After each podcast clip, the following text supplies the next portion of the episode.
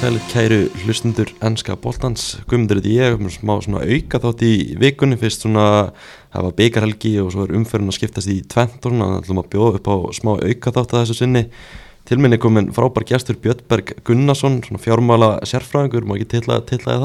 Bara eins og þú vilt, þú fer bara með það í alla þú, þú varst lengi starfandi hjá Íslandsmokka en nú, nú ertu orðin svona frílans, það ekki? Jú, nú er ég bara sóló að, að hérna, veita rákjöf, fjármálarákjöf og halda námskeið og slíkt mm -hmm.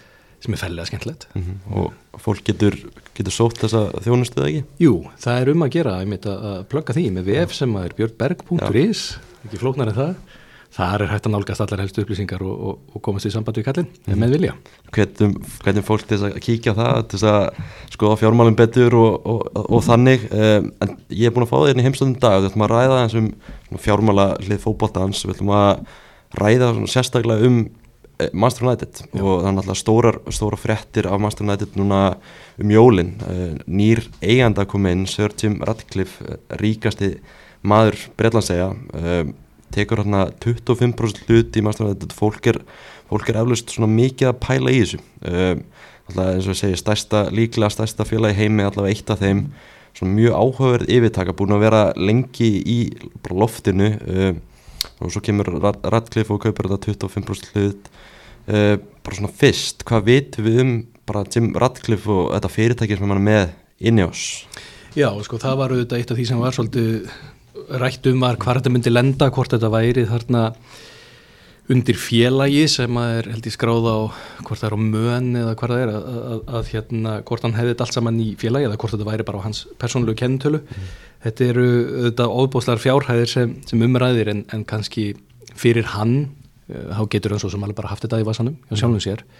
Uh, hann er náttúrulega bara vel auðugur maður sem kemur inn í þetta með uh, úrsóldi svona áhugaverður í átt þetta er, þetta er sko gamaldags fjárfesting mm -hmm. þetta er bara old school ennsk fjárfesting þar sem þú ert með stuðningsmannin sem meikar það og er að kaupa uppáhaldsklúpin sinn mm -hmm. í rauninni sem að svona var þetta svolítið. Það var, hver, þú fóst bara niður deildinar á Englandi og það var alltaf einhver lokal híró sem að þú veist náða að selja eitthvað ljósuritina fyrirtæki og græða penninga og það, það var það var svolítið þannig og náttúrulega Mike, Mike Astley og einhver svona, það eru einhverja leifar af því. Mm -hmm. en hann er óbúðslega ríkur og það er í rauninni það eina sem maður þarf að, vita. Hann er, er óbúðslega ríkur stuðningsmaður Manchester United og hann þetta við tekið tíma átt, sem mjög langan aðdraganda en, en hann er að koma inn á þeim forsendum, á fótboltalegum forsendum um og með fjárfestingu sem á að gagnast sem að, sem að stuðningsmönnum á að líst, lítast mjög vel á. Mm -hmm. það er verið að kvarta yfir ástandunum Old Trafford, partur af þessum samningi er að hann leggja inn mjög mikla peninga sem eru eirnamertir Old Trafford, það verður ekki leikmaður keftu fyrir þá peninga, það er Old Trafford. Uh, hann er að koma þarna inn og, og utan á þessu hangir að hann fær í rauninni, hann tekur við stýrinu hvað varðar fótboltahliðina á, á klubnum þannig að við erum kannski aðeins farin fram úr okkur en, en, en þetta er þess að í svo mörgum skilningi mjög, mjög svona skemmtilega kaup og svona nokkurt veginn ef ég, kannski maður leifir sér að segja þannig þetta eru fjárfestingarna sem við viljum hafa í fótbolltanum mm -hmm. Og þetta kemur í kjölfarið sem ég segi átti sér langan aðdraðanda en þetta kemur í kjölfarið á ofbóðslega sérkennilegu og í rauninni mjög neikvæðu tímabili hvað varðar eignarhald á sem stæstu félögum. Vegna þess að við höfum verið að sjá alveg ægilega remmingar varandi eignarhald Everton, núna bara alveg upp á síðkastið, uh, við höfum verið að sjá, ég meina Abramovic og, og, og hérna Chelsea, uh, aldrei sé það áður með þessum hætti að að það fókbóltaleit, stæðst að fókbóltalegi heimilendi bara inn á borði í einhverju ráðuneyti sem er mjög áhugavert uh, og svo eru þau þetta Newcastle. Þannig að, og enginn af þessum sögum er jákvæð saga í rauninni. Sagan af, af yfirtöku brútal hérna, einræðisríkis á Newcastle er ekki jákvæð saga.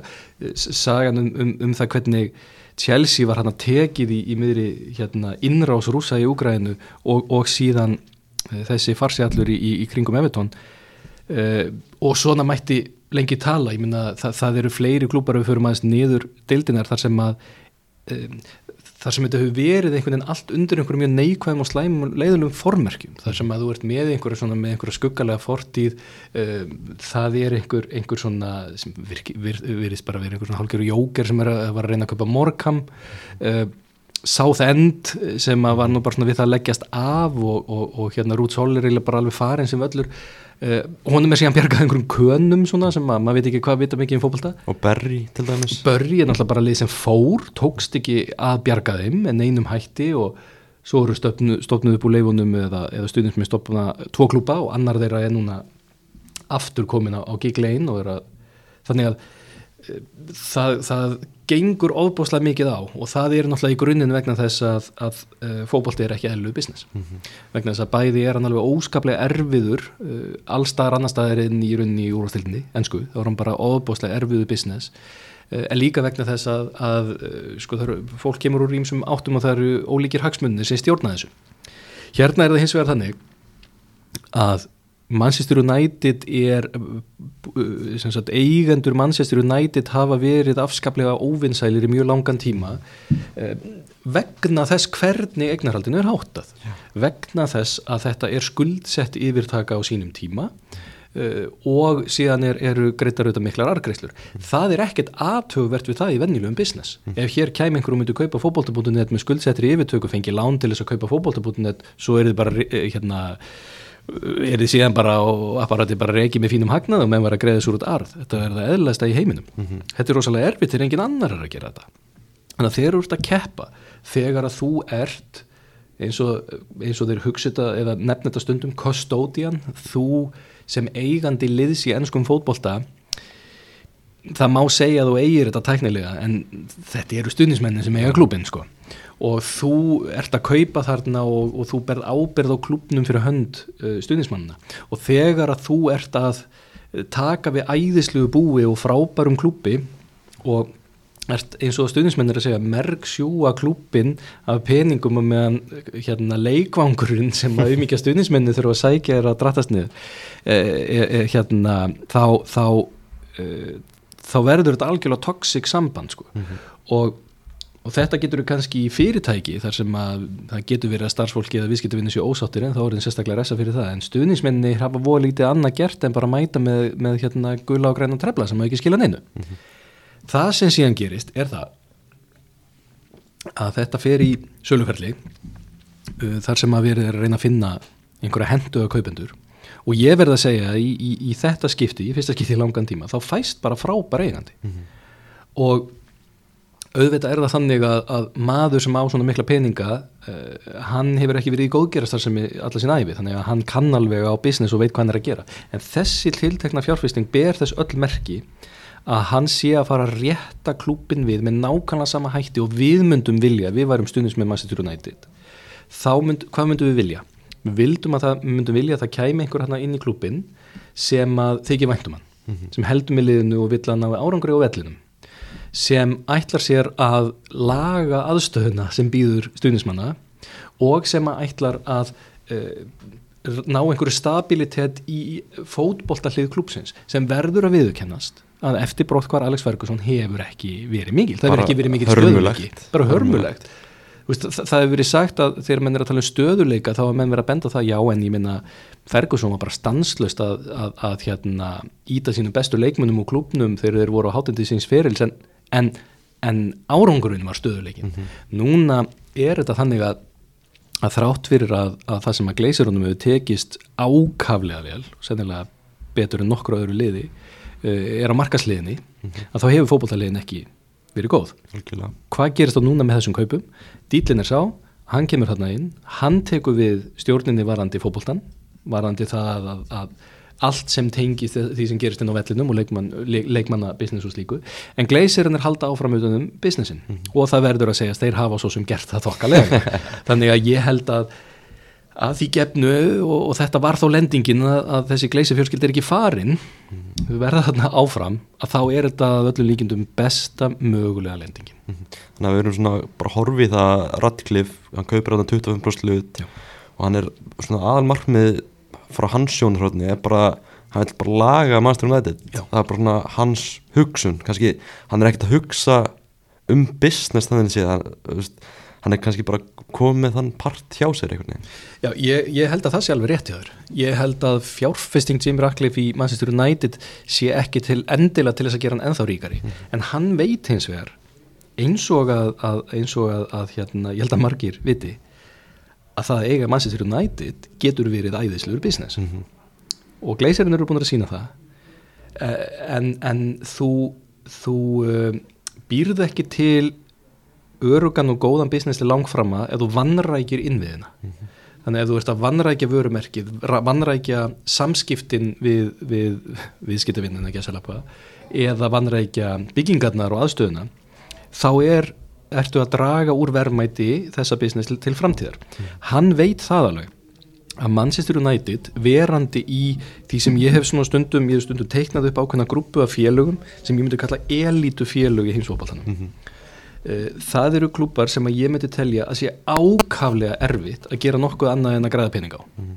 var ákaflega erfitt þetta vegna þess að við þurfum að taka eitt skrif tilbaka núna og hugsa um hvaðan kemur hvaðan, hvaðan koma tekjur og hvaðan kemur hagnaður í fótbóltaheiminum í dag? Mm -hmm. ef þú ert að reyka knastmyndufélag þá getur þú nokkur neginn skiptið sér þrengt þú ert með þennan elituklúp og við getum nefnt nokkur lið á, á eftir sem eru þar. Svo ertu með liðin sem er í ennsku úrvalstildinni eins og hún leggur sig og liðin í uh, sem að eru reglulega að komast í meistartild Evrópu, þannig að þar getur við verið að draga einn klúpa eins og FC Kaupmannahöfn eða Glasgow Celtic eða eitthvað slíkt. Mm -hmm. svo erum við með alla hina allir hinir er að ströggla allir hinir er að díla við það að þeir þeir þurfa að kosta til bæði ofbúslu fjármængin líka geysilega mikill áhættu við það að reyna að komast í þessar kettnir eða reyna að komast upp um deild mm -hmm. þeir sem eru reglulega í meistaradeild eða eru í ennsku úrvalstildinni þeir eru að upplifa mjög mikið stöðuleika eins mikill og stöðuleiki getur verið í fókbólta þannig að það eru miklar fyrir sjánlega tekjur sem koma þarna sem ætti að vera nót til þess að klókur rekstraræðilega það geta skilað þessu þokkala svo ertu með elituliðin sem við vitum allir hverjir eru sem eru Bayern München, sem eru Barcelona og Real Eh, sem eru Paris Saint-Germain og sem eru þessi stóru 6-7 ennsku lið í dag. Ja. og þau eru öll á þeim stað. Af hverju er ég að segja þetta sé ekki sami hópur og þau sem eru fyrst í meistaratil það er vegna þess að fótboltaheimurinn býr til peningur og miklu fleiri áttum heldur en bara með sjómastekjunum í dildinni og sjómastekjunum í meistaratild mm. þegar þú ert með klub sem er með það sem golf sem eru ótrúlegar fjárhæðir en er ná að bæta við markaðspenningum þá ertu komin á alveg óbúslega góðan stað vegna þess að það eru nánast ókipis peningar mm -hmm. peningurinn sem mannsýstur og nætið er að búa til í dag vegna þess að fyrir 20 árum fóru menn í keppnisverði til Thailands mm og í Kína og fóru að búa, byggja upp markaði og fóru að nýta sér rauðalitin og fóru að, að hérna, hugsa markaslega og, og vel og byggja upp þetta og að vera með stóruleikminna þetta kemur þessum klúpum í þennan elituklúp og fjarlægir þá með hverju árunni sem líður frá hinnum. Af hverju eru þeir að fjarlægast? Það er vegna þess að uh, hverju eru að kaupa þetta? Sagt, hvaðan kemur sjómasrétturinn? Hvaðan koma auglýsingarnar? Hvaðan kemur varningurinn? Hann er, hann er ekki bara að koma frá einhverju strák sem býr í Oldham. Mm. Hann er ekki að koma frá einhverju strák í Breðoltinu. Hann er að koma frá uh, 50 miljón knastmynda áhuga mönnum í Indonésiu mm -hmm. hann, hann er að koma frá 500 miljón knastmynda áhuga mönnum í Kína og Índlandi mm og 500 miljón knastmynda áhuga mönnum í Suðustur Asju á Filipsheim, Vietnam, Tælandi Malasíu og það sem það gerir er að vöxturinn er svo orðin svo óhemju mikill þar á þessum mörkuðum að tekjurnar sem að, sem að er að koma inn í fókbóltan frá þeim e, er að auka svo mikið. En þær eru ekki að fara á jafna staði. Af því ef að þú ert strákur í Vietnam uh, þá ertu ekki að halda með Lincoln City sko. Nei, þú heldur ertu að velja þér eitt af þessum elituliðum mm. það gæti verið Paris Saint-Germain það gæti verið Real Madrid, það gæti verið Liverpool það gæti verið Manchester United en þú ferð ekki út fyrir það. Það er enginn í Wolfsburg búning í Indonési þannig að þetta er takmarkaður hópur félaga sem hefur aðgengi að þessum mörgum sem hinn félagin hafa ekki aðgang að. Pluss það að það sama er hvaða nafnallar að fá aftan á. Mm. hverjir eru í auglýsingunum? Þa, það er ekki hver sem er það er ekki Kristoffer Ægir það er Mbappe og það er Holland og það er Ronaldo og það, það er ekki margir leikmenn. Þetta er bara eins og með, með bíómyndir og sjónvarp. Á heimsvísu þetta er ekki margir sem ná að verða megastjórnur og það er bara vill þannig til með fótbolta í dag að það eru megastjórnunar sem búið til peninga. Mm -hmm. megastjórnunar leikmennir þeir eru bara að geta spila fyrir þessi stóru lið og þannig er ég að tala um af hverju þetta vindur upp á sig. Það er vegna þess að þau lið eru að fá ógeðslega mikla pening út úr þessu, miklu meirinn hinliðin hinliðin eru að reyna að reyka sig á núlinu en þessu eru öll í hagnaði. Þau hafa þá meiri peninga til þess að ráða bestu leikmennina sem að stækka þau enn frekar. Og þetta vindur upp á sig. Það sem er svo ótrúlega velgert er að Manchester United skuli ennþá verið í þessum hópi. Mm -hmm það er algjörlega galinn árangur að miða við það sem hefur verið að gerast inn á vellinum, miða við allt þetta drama miða við, miða við draman á milli stuðningsmann á eigenda mm -hmm. að Manchester United sé þarna sínir það hvað þetta er óbúðslega gott vörumerki mm -hmm. og það er það, þetta er langa, langa, langa leiðin mín til þess að segja að ég er ekki sammálaðið að Jimmy Ratcliffe er ekkit endilega kaupa þetta til að græða peninga en ég held að hann muni græða peninga Já. það er málið. Hann sé bara það góðu viðskiptamæður, hann sér þetta hann, hann hlýtur að sjá það að, að, að hérna, með því að bæta klúpin mm -hmm. þá ætti reksturinn ekki að versna Nei. og ef að reksturinn helst eins eða batnar þá er þetta góðu business mm -hmm. og góðu penning út úr þessu hann er að borga hátt verð fyrir þetta mm -hmm. það verður að segjast, hann er að kaupa þarna 20 þessu er rauninni tvískipt sko, að því að, að, því að fyrirtækið skrá að kaupa all í bandaríkjunum þá verður þetta þannig að hann er að kaupa þarna 25% hlut, þetta er svona ákveðin tegund hlutabrifa sem að bera mikið atkvæðavægi sem þar sem að gleisirinnar hafa átt. Og svo er það annar hluti hlutabrifa sem að uh, er með held ég eitt tíund af atkvæðavæginu sem er það sem er skráð í kaupöld sem, sem að er skráð í bandaríkanum það sem að hann gerir síðan í kjölfarið er að hann kemur með peninga inn í klubin þannig að hann kaupir þetta beint að gleisir honum. Mm -hmm. þannig að bara kaupin á klubnum uh, svona ballpark miljardur dollara, Já. eitthvað slíkt sem að er merkilegt nokk ef við viljum tala um einhverju tölu sem þýðir að áætla verðmætti Manchester United með við það verð sem hann er að borga er yfir 5 miljardar dólar sem er, hvað seldist það var eitthvað NBA-lið að seljast en daginn. Já, það var í Dallas Mavericks. Mark Cuban held ég að, að selja Dallas Já, já. þetta er ekki bara þetta er, ekki, þetta er, er dýran en það held ég Já, það, íþjóttafélögur er orðin rosalega dýr í það sko. þetta er rosalega pinningur uh, þannig að það sem að fylgir þessu síðan er að hann kemur með peninga til viðbótar sem eru 270 miljónum punta mm. þeir peningar eru eirnamertir Old Trafford eins og ég nefndi. En það sem er áhugavert er það að hann er ekki að gefa klubnum þessa peninga. Þannig að þeir hafa sagt sko hann lofar að koma með þessa peninga inn.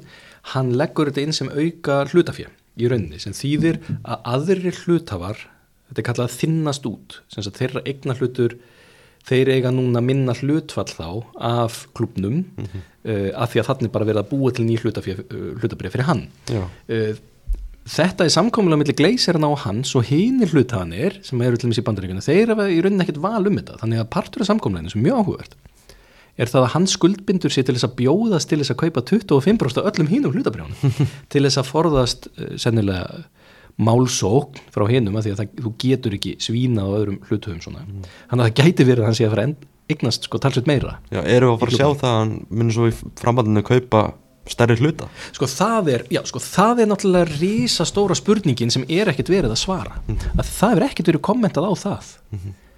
þetta, þetta hljómar fyrir mér eins og það að, að sko gleisir fjölskeittan hangir á þessu eins og hundur og róði mm -hmm. þetta er bara svo góðu business fyrir þessa familju að ég held að þau séu bara að hugsa ok, uh, við ætlum þá að vera aðeins passívari hlutafar hérna en við viljum ekki selja þetta allt saman þannig að mm. hefðu þau örgulega selgt þetta Við sáum, sáum Katarana, þeir vildu kaupa 100% hlut og voru tilbúin að bjóða ansi háar fjárhæðir í það en leistarinn voru ekki tilbúin að selja Nei. þeim sko. Nei. Það getur þá verið sko, þegar þú ert að verleggja hluti hlutafélagi hluta, hluta sama hvaða hlutafélagi það er þá þartu að lenda á einhverju ákveðinu verði, einhverju ákveðinu gengi. Mm -hmm. og, það er, og það verðmæti er ekki núverandi verðmæti alls sem er inn í félaginu. Það er ekki bara hvað er við seljum Old Trafford og alla þessar leikmenn og allt það, Nei, það, er, það er annað. Verðmæti sem þú kaupir hlutabrif á á að endur spekla hagnaðin sem þetta félag mun geta skilað í, í framtíðinni. Mm -hmm. þess vegna eru menn að kaupa félag í neðri og eitt pund. Mm -hmm. það, ég að það er fullt af hérna, einhverjum eignum þarna en það verður bara engin hagnaður af því að eiga prestón sko. þannig að menn, menn eru ekki að borga mikið fyrir það. Master United mm er bara í frábæri stöðu til að skila hagnaði áfram. Og þá komum við að því sko hvað er ekki í þessu samkominlega, hvað er ekki nefnist mm -hmm. Það er að gleysir þeir hætti að taka út arð sko. mm. það er ekki endilega að fara að hætta Nei. þannig að það geta alveg haldið áfram en, en ég minna þetta er þó allavega skárra en að þeir séu þarna allsráðandi mm -hmm. Strax þannig að sjá að Radcliffe er svona mættu með sína menn inn í þetta og svona með hana Dave Brailsford sem er held ég einhver gammal hjólriðakappi og svo með frakka sem heitir Jean-Claude Blanc hann er með, hann er með svona hann er með góða íþróðdelt, hann er búin að búa til svona gott teimi kringu sig og hann verðist vita hvað hann er að fara að gera og svona stundismenn maðurstofnættið þeir eru spenntið fyrir þessu. Já, ég skil það mjög vel. Og, og þetta, þetta er auðvitað ákvæðin breyting sem eru orðið í fótbollaheiminum og undarförunum ekkert mjög mörgum árum, 10-15 árum. Það eru þessi bandarísku áhrifur farin að koma inn í fótbolltaðan á businessliðinni. Mm -hmm og þá er það þannig að íþróttaheimurinn er svolítið áhugaverður og kíkir á sko hverjir er að vinna að, að menn er að fara á milli íþrótta. Mm -hmm. þannig að þú ert með ég meina ég talaði veitnum daginn sem er, er hérna hann það var að hætta þar, hann var orðin einna, einna frangvæntastjórum hjá, hjá stóru eurósku félagi, sko hann er úr mótorsporti. Mm.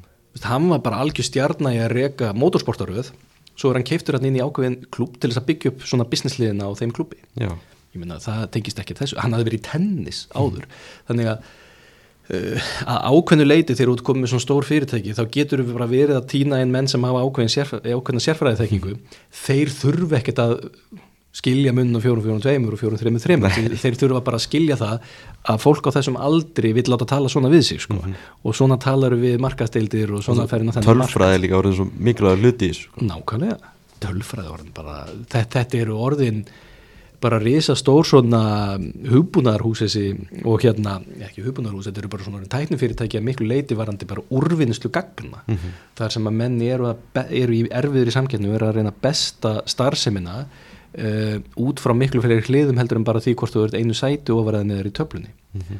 Þannig að þetta er allt saman og ég tek undir eins og með þetta að, að heyra góðar fréttir af mönnum eða fólki sem hann er að koma og taka inn í klubin það er eitthvað sem er eðlilegt að stundismenn United séu mjög hrifnir af vegna þess að þetta er svolítið það sem við vanda mm -hmm, Algjörlega um, Náttúrulega þetta er náttúrulega mjög áhör fjárfesting að í gleistöndunir eru búin að vera þannig að ansið lengi eru, eru að fara að sjá eitthvað samstarðan á milli þannig að gleistöndunir eru að 75% og Radcliffe hans á 25% Vist, er eitthvað samstarðan á milli? Við til og með slasan um daginn að í samningnum að Radcliffe má ekki tala ofinberlega á slæman hátt um gleisarna og eitthvað svoleis mun þessi, þessi tveir hópar vinna náðu saman heldur það? Þetta, þetta er náttúrulega eitt af því sem er ekki tilgrænt í samningnum. Þetta sem við ást að nefna er, er rétt. Mm -hmm. þeir eru með í saminningu með ekki vera gaggrina korannan mm -hmm. uh, við erum að sjá þannig meðan Bóli hjá, hjá Chelsea að hann er bara ofinberlega gaggrina það hvernig Abramovic hefur ekki klubin sem er náttúrulega svakalegt. Uh, þannig að en, en það er svo sem það er ekkit sérkennileg klásula mm. það sem ég spyr mig er að það er verið að skipta svo skýrt á milli business annars vegar og fókbóltans hins vegar Þetta er áhugaverð, sko. þetta er áhugaverð svona samningur skilur. Mjög áhugaverð ja. Mjög áhugaverð og hvað þýðir það síðan ef, ef hérna ef Ratcliffe fær einhver direktor á fútból mm -hmm. sem ætlar að kaupa einhver stjórnuleikman mm -hmm. og vantar 120 miljónu punta núna eða uh, eru gleysirannir að fara að segja hvort þeir megi það? Að það að það sem, það sem hlýtur að vera einhver staðar á bladi sem við höfum bara ekki fengið að sjá eru einhverja reglur varandi hvernig þau muni hegða sér um það hvaða peningar sem koma út úr rekstrinum verða til umráða fyrir fótbolta hliðina mm -hmm. og það er, það er það sem er svo óbúslega fascinerandi. Ef ég gæti verið einhver starf fluga á veggin og Old Trafford þá væri ég þar sem að þeir væru að skipta þessu að þetta hlýtur að vera þú hugsaður um þetta uh, Manchester United uh, skuldar mikla peninga þannig að þegar það kemur afkoma af félaginu, bara nú er ári búið og við grætum 50 miljónu punta mm -hmm. þetta fer í afborganir þetta fer í hvað fer þetta í arðgreðslu mm -hmm. uh, ok um, hvað, hvað með þess að 30 miljónum sem eru eftir, eiga þær að fara í ennþá eitthvað í fjárfestingu?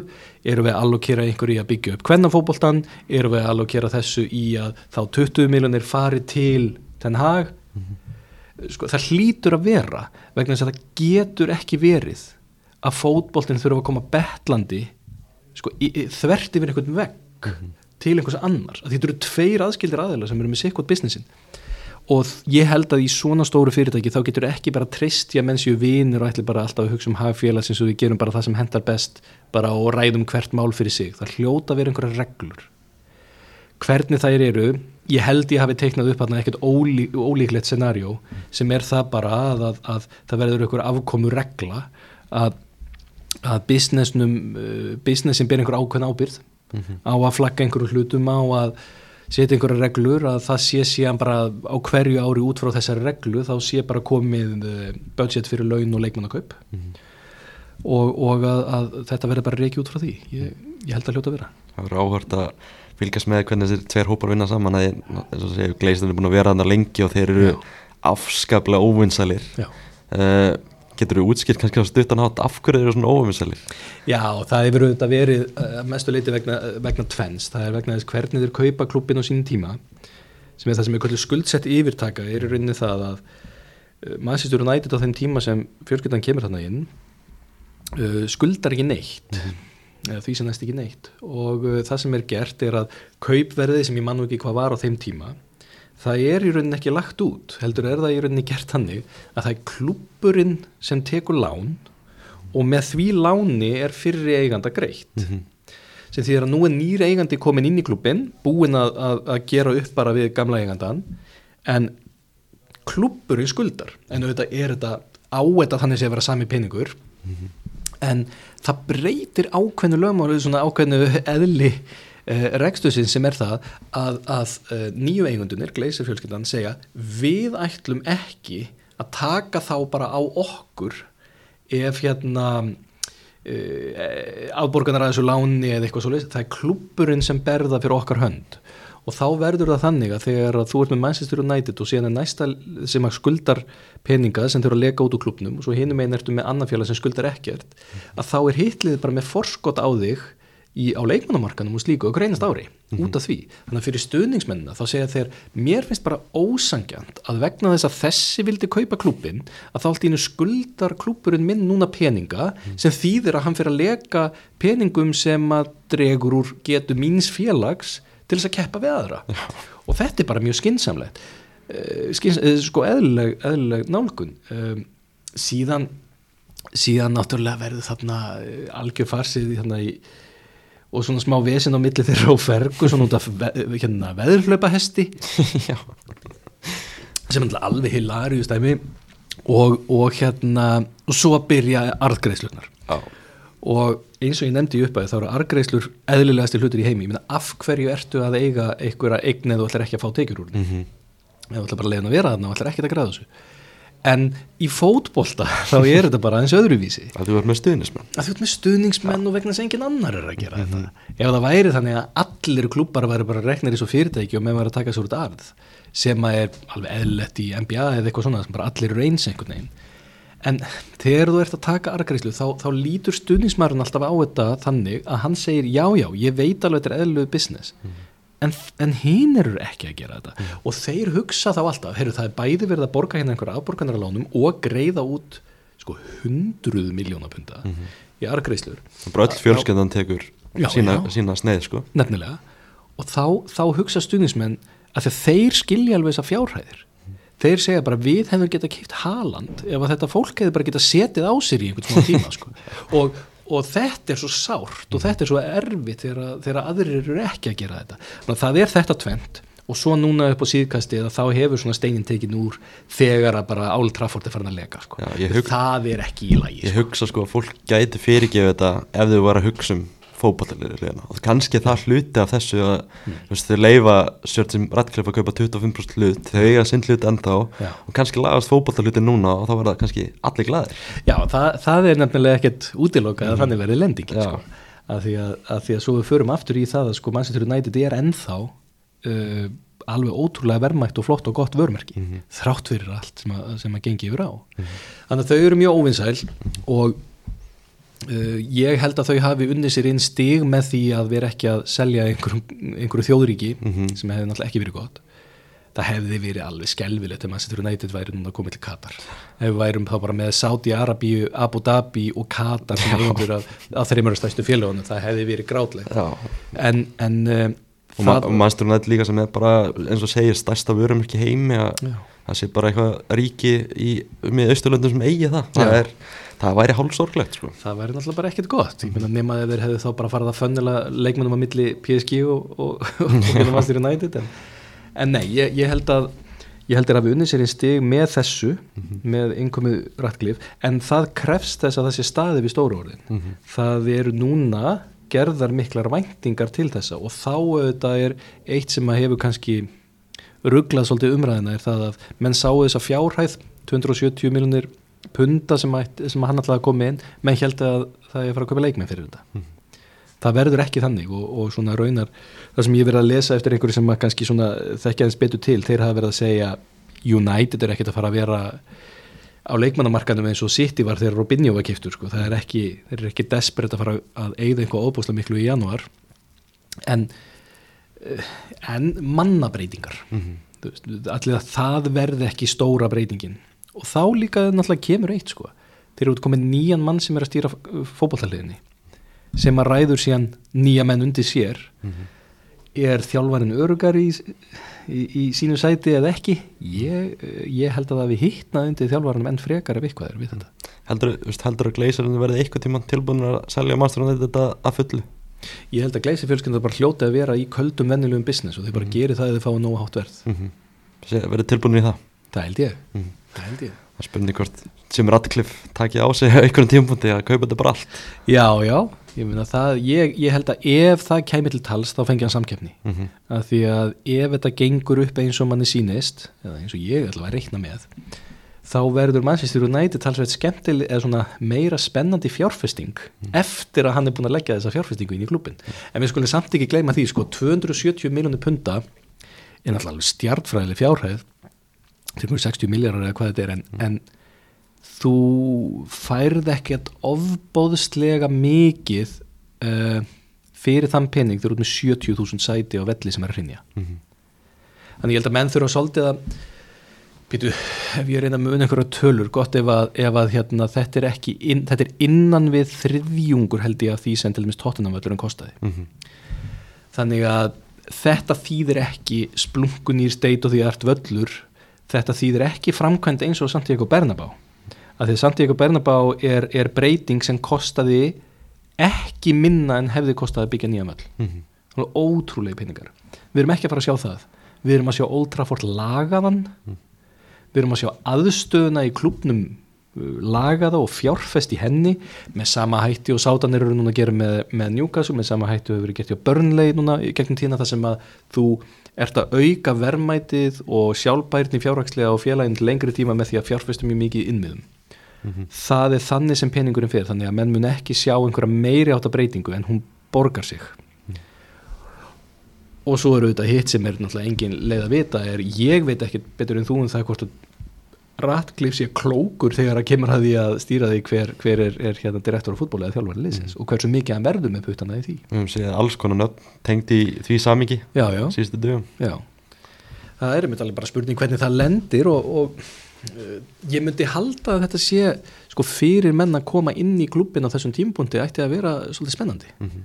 ég held það, Mhm. ef maður væri svona einhver spennandi metnaðafullur sexy þjálfari eða direktor á fútból þá held ég að það að fara inn í Manchester United á þessum tímapunkti sé engin smá áskorun sko. Mhm. þetta hljó, þetta, það sem voru að segja hljóma mjög áhugert sko, ef Radcliffe kemur inn og lagar hlutina og bætir fótballtölu hérna Já. þá er fjárfestningin bara ennþá starri kannski fyrir gleysirina þegar þeir vilja svo kannski selja ég, bara 100% ef það gengur upp þá gæti þetta hafi verið besta fjárhagslega business ákvörðum gleysirana að hann losa þarna um hlut sinn og fá mann inn sem er tilbúin að sinna því sem þeir veit ekki sinna þeir eru pyrrandi klókir þessir gleysirar Já, já, ég reyndar hef verið að klóra mér í hausnum, ég hef ekki skilið það hvernig þessari fjölskyldu við dottið í huga að leifa þessu að drabast niður, sko. ég skil það ekki hugsaður, þeir ég eru held að þau skilju bara ekki fótbolta sko. Nei, ég held að það getur sé máli verið. sko.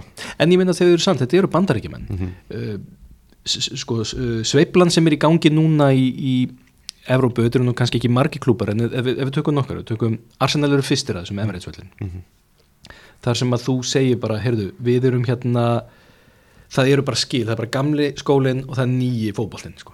þannig að við erum að fara af Highbury yfir á Emirates það er bara allt annað pakki, miklu meiri tekjur nútímalegu völlur veist, og, og mikla tekjur. Tottenham völlurinn er bara nákvæmlega sami pakki, Tottenham völlur er bara sami völlur og Emirates bara betri.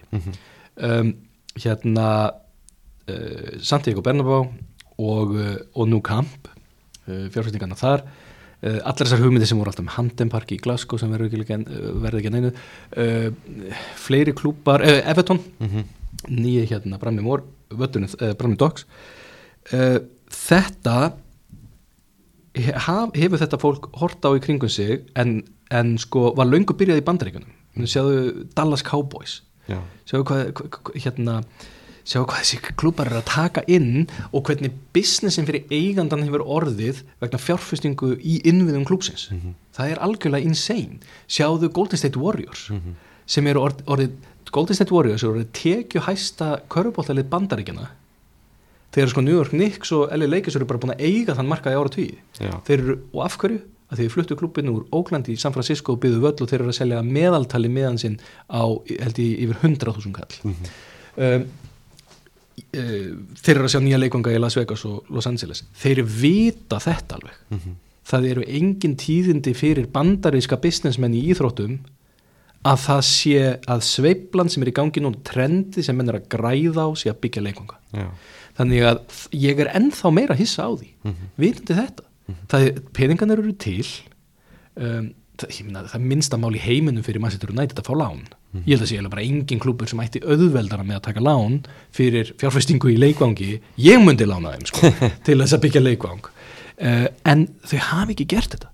Og þá hef ég verið að velta fyrir mig bara getur það verið að þetta séu bara stælar sko? ég, ég, ég, ég alveg talað er þetta er þetta eitthvað þannig sko? ég veit það ekki en mér finnst þetta voðalega sorglega Já, þetta er ótrúlegt dæmi. Uh, Ratcliffe náttúrulega hann er mikil Íslandsvinnur líka mm -hmm. jarður hérna á Íslandi og það er svona gerir þetta kannski ekstra skemmtilega fyrir stundismenn United að fá Íslandsvinn í eigandastóli já, já, það lítur að vera sko. þetta lítur þá að vera, þú veist, Jimmy Ratcliffe og félagar verða alltaf fyrirsögnin sko. Íslandsvinnurinn, Jim. Íslandsvinnurinn já, já, já, já Nei, það, það eru þetta bara alveg frábært ég meina þetta er maður sem að hefur verið svona, eða sagt það þetta er ekki fyrsta verkefnið sem hann hefur sagt vilja setja peninga inn í sem að er ekki beint vegna peninga, ég meina hann var eitthvað að tala um svona, hann vildi setja mikla peninga í að verja íslenska lagsastofnin með því að kaupa einhverjar ár og, og passa upp á þær. Þannig að uh, þetta er svona maður sem er uh, það er alveg til sko verri menn sem eiga peninga. Og það eru til menn sem gera verri hluti við peningana sína heldur en Ratcliffe þannig ég held að, að við getum alveg tala endalist um þetta en, en sko bottom line er þetta ég held að stundismenn Manchester United hefðu eiginlega ekki geta fengið betri tíðindi vegna eignarhaldsfélagsins en þessi yfirtaka er. Hann á eftir að fara í gegnum ownership directors test, hann alltaf flýgur í gegnum það. þannig að það verður ekkert mál en, en, en þetta virðist bara vera klárt mál og, og, og þá getur hann bara hafist handa strax við að leggja þessa peninga inn. Ég held að pælingin hafi verið með þessa 270 miljard að, að tveir þriðja þessu það ekki fari inn núna. Uh, bara við undirritun og uh, 100 miljón dólar er eitthvað slíkt verið komið inn fyrir loka ársins. Þannig að svona aðalmáli í þessu er að þetta er bara, þetta eru jákvæð tíðindi fyrir mannstæðan eftir erfiða tíma síðustu tíu árum. Já, ég held að það sé bara loksins komið að því að menn geti að hluta til svolítið sagt skilið við allavega einræðistíð gleisirna, ef við getum orðað þannig. Auðvitað er þetta full mikil einföldun að tala alltaf bara um Ratcliffe og, og gleisifjölskyldunum vegna þess að það eru fjölmarki mjög stóri fjárfestar síðan sem eru þarna líka. En málið er að þeir eru yfirleitt í þessum hlutabrifum sem bera til þetta lítinn atkvæðarétt. Já. Þeir eru þá það sem við myndum kalla passífir hluthafar af félaginu þannig að þeir sitja kannski ekki halda ekki stýrið sko. Uh, og, og það er svona hluti að því sem manni kannski finnst eitthvað sérkennilegt við einhver smáadri í þessu samkomulegi til dæmis þetta tilbóð hans um að kaupa 25% hlutum þeirra sem eru skráður í kaupöld það er allt saman til þess að reyna að verja hagsmunni þessara passífu hlutafa Mhm. Það er alltaf, alltaf gríðlega áhugart að ræðum eigandamálin í ennska fótboltanum og svona, svona mismundi hugsanir svona eigandurum með gagvart sínum félögum. Svona ég fyrir að horfa heimild þetta upp á síðastið sem þetta Welcome to Wrexham já, já, með atna, Ryan McElhenney og atna, nei, Rob McElhenney og Ryan Reynolds í afleiturkum áhugart hvernig hugsunum þeirra gagvart sínu félagi er.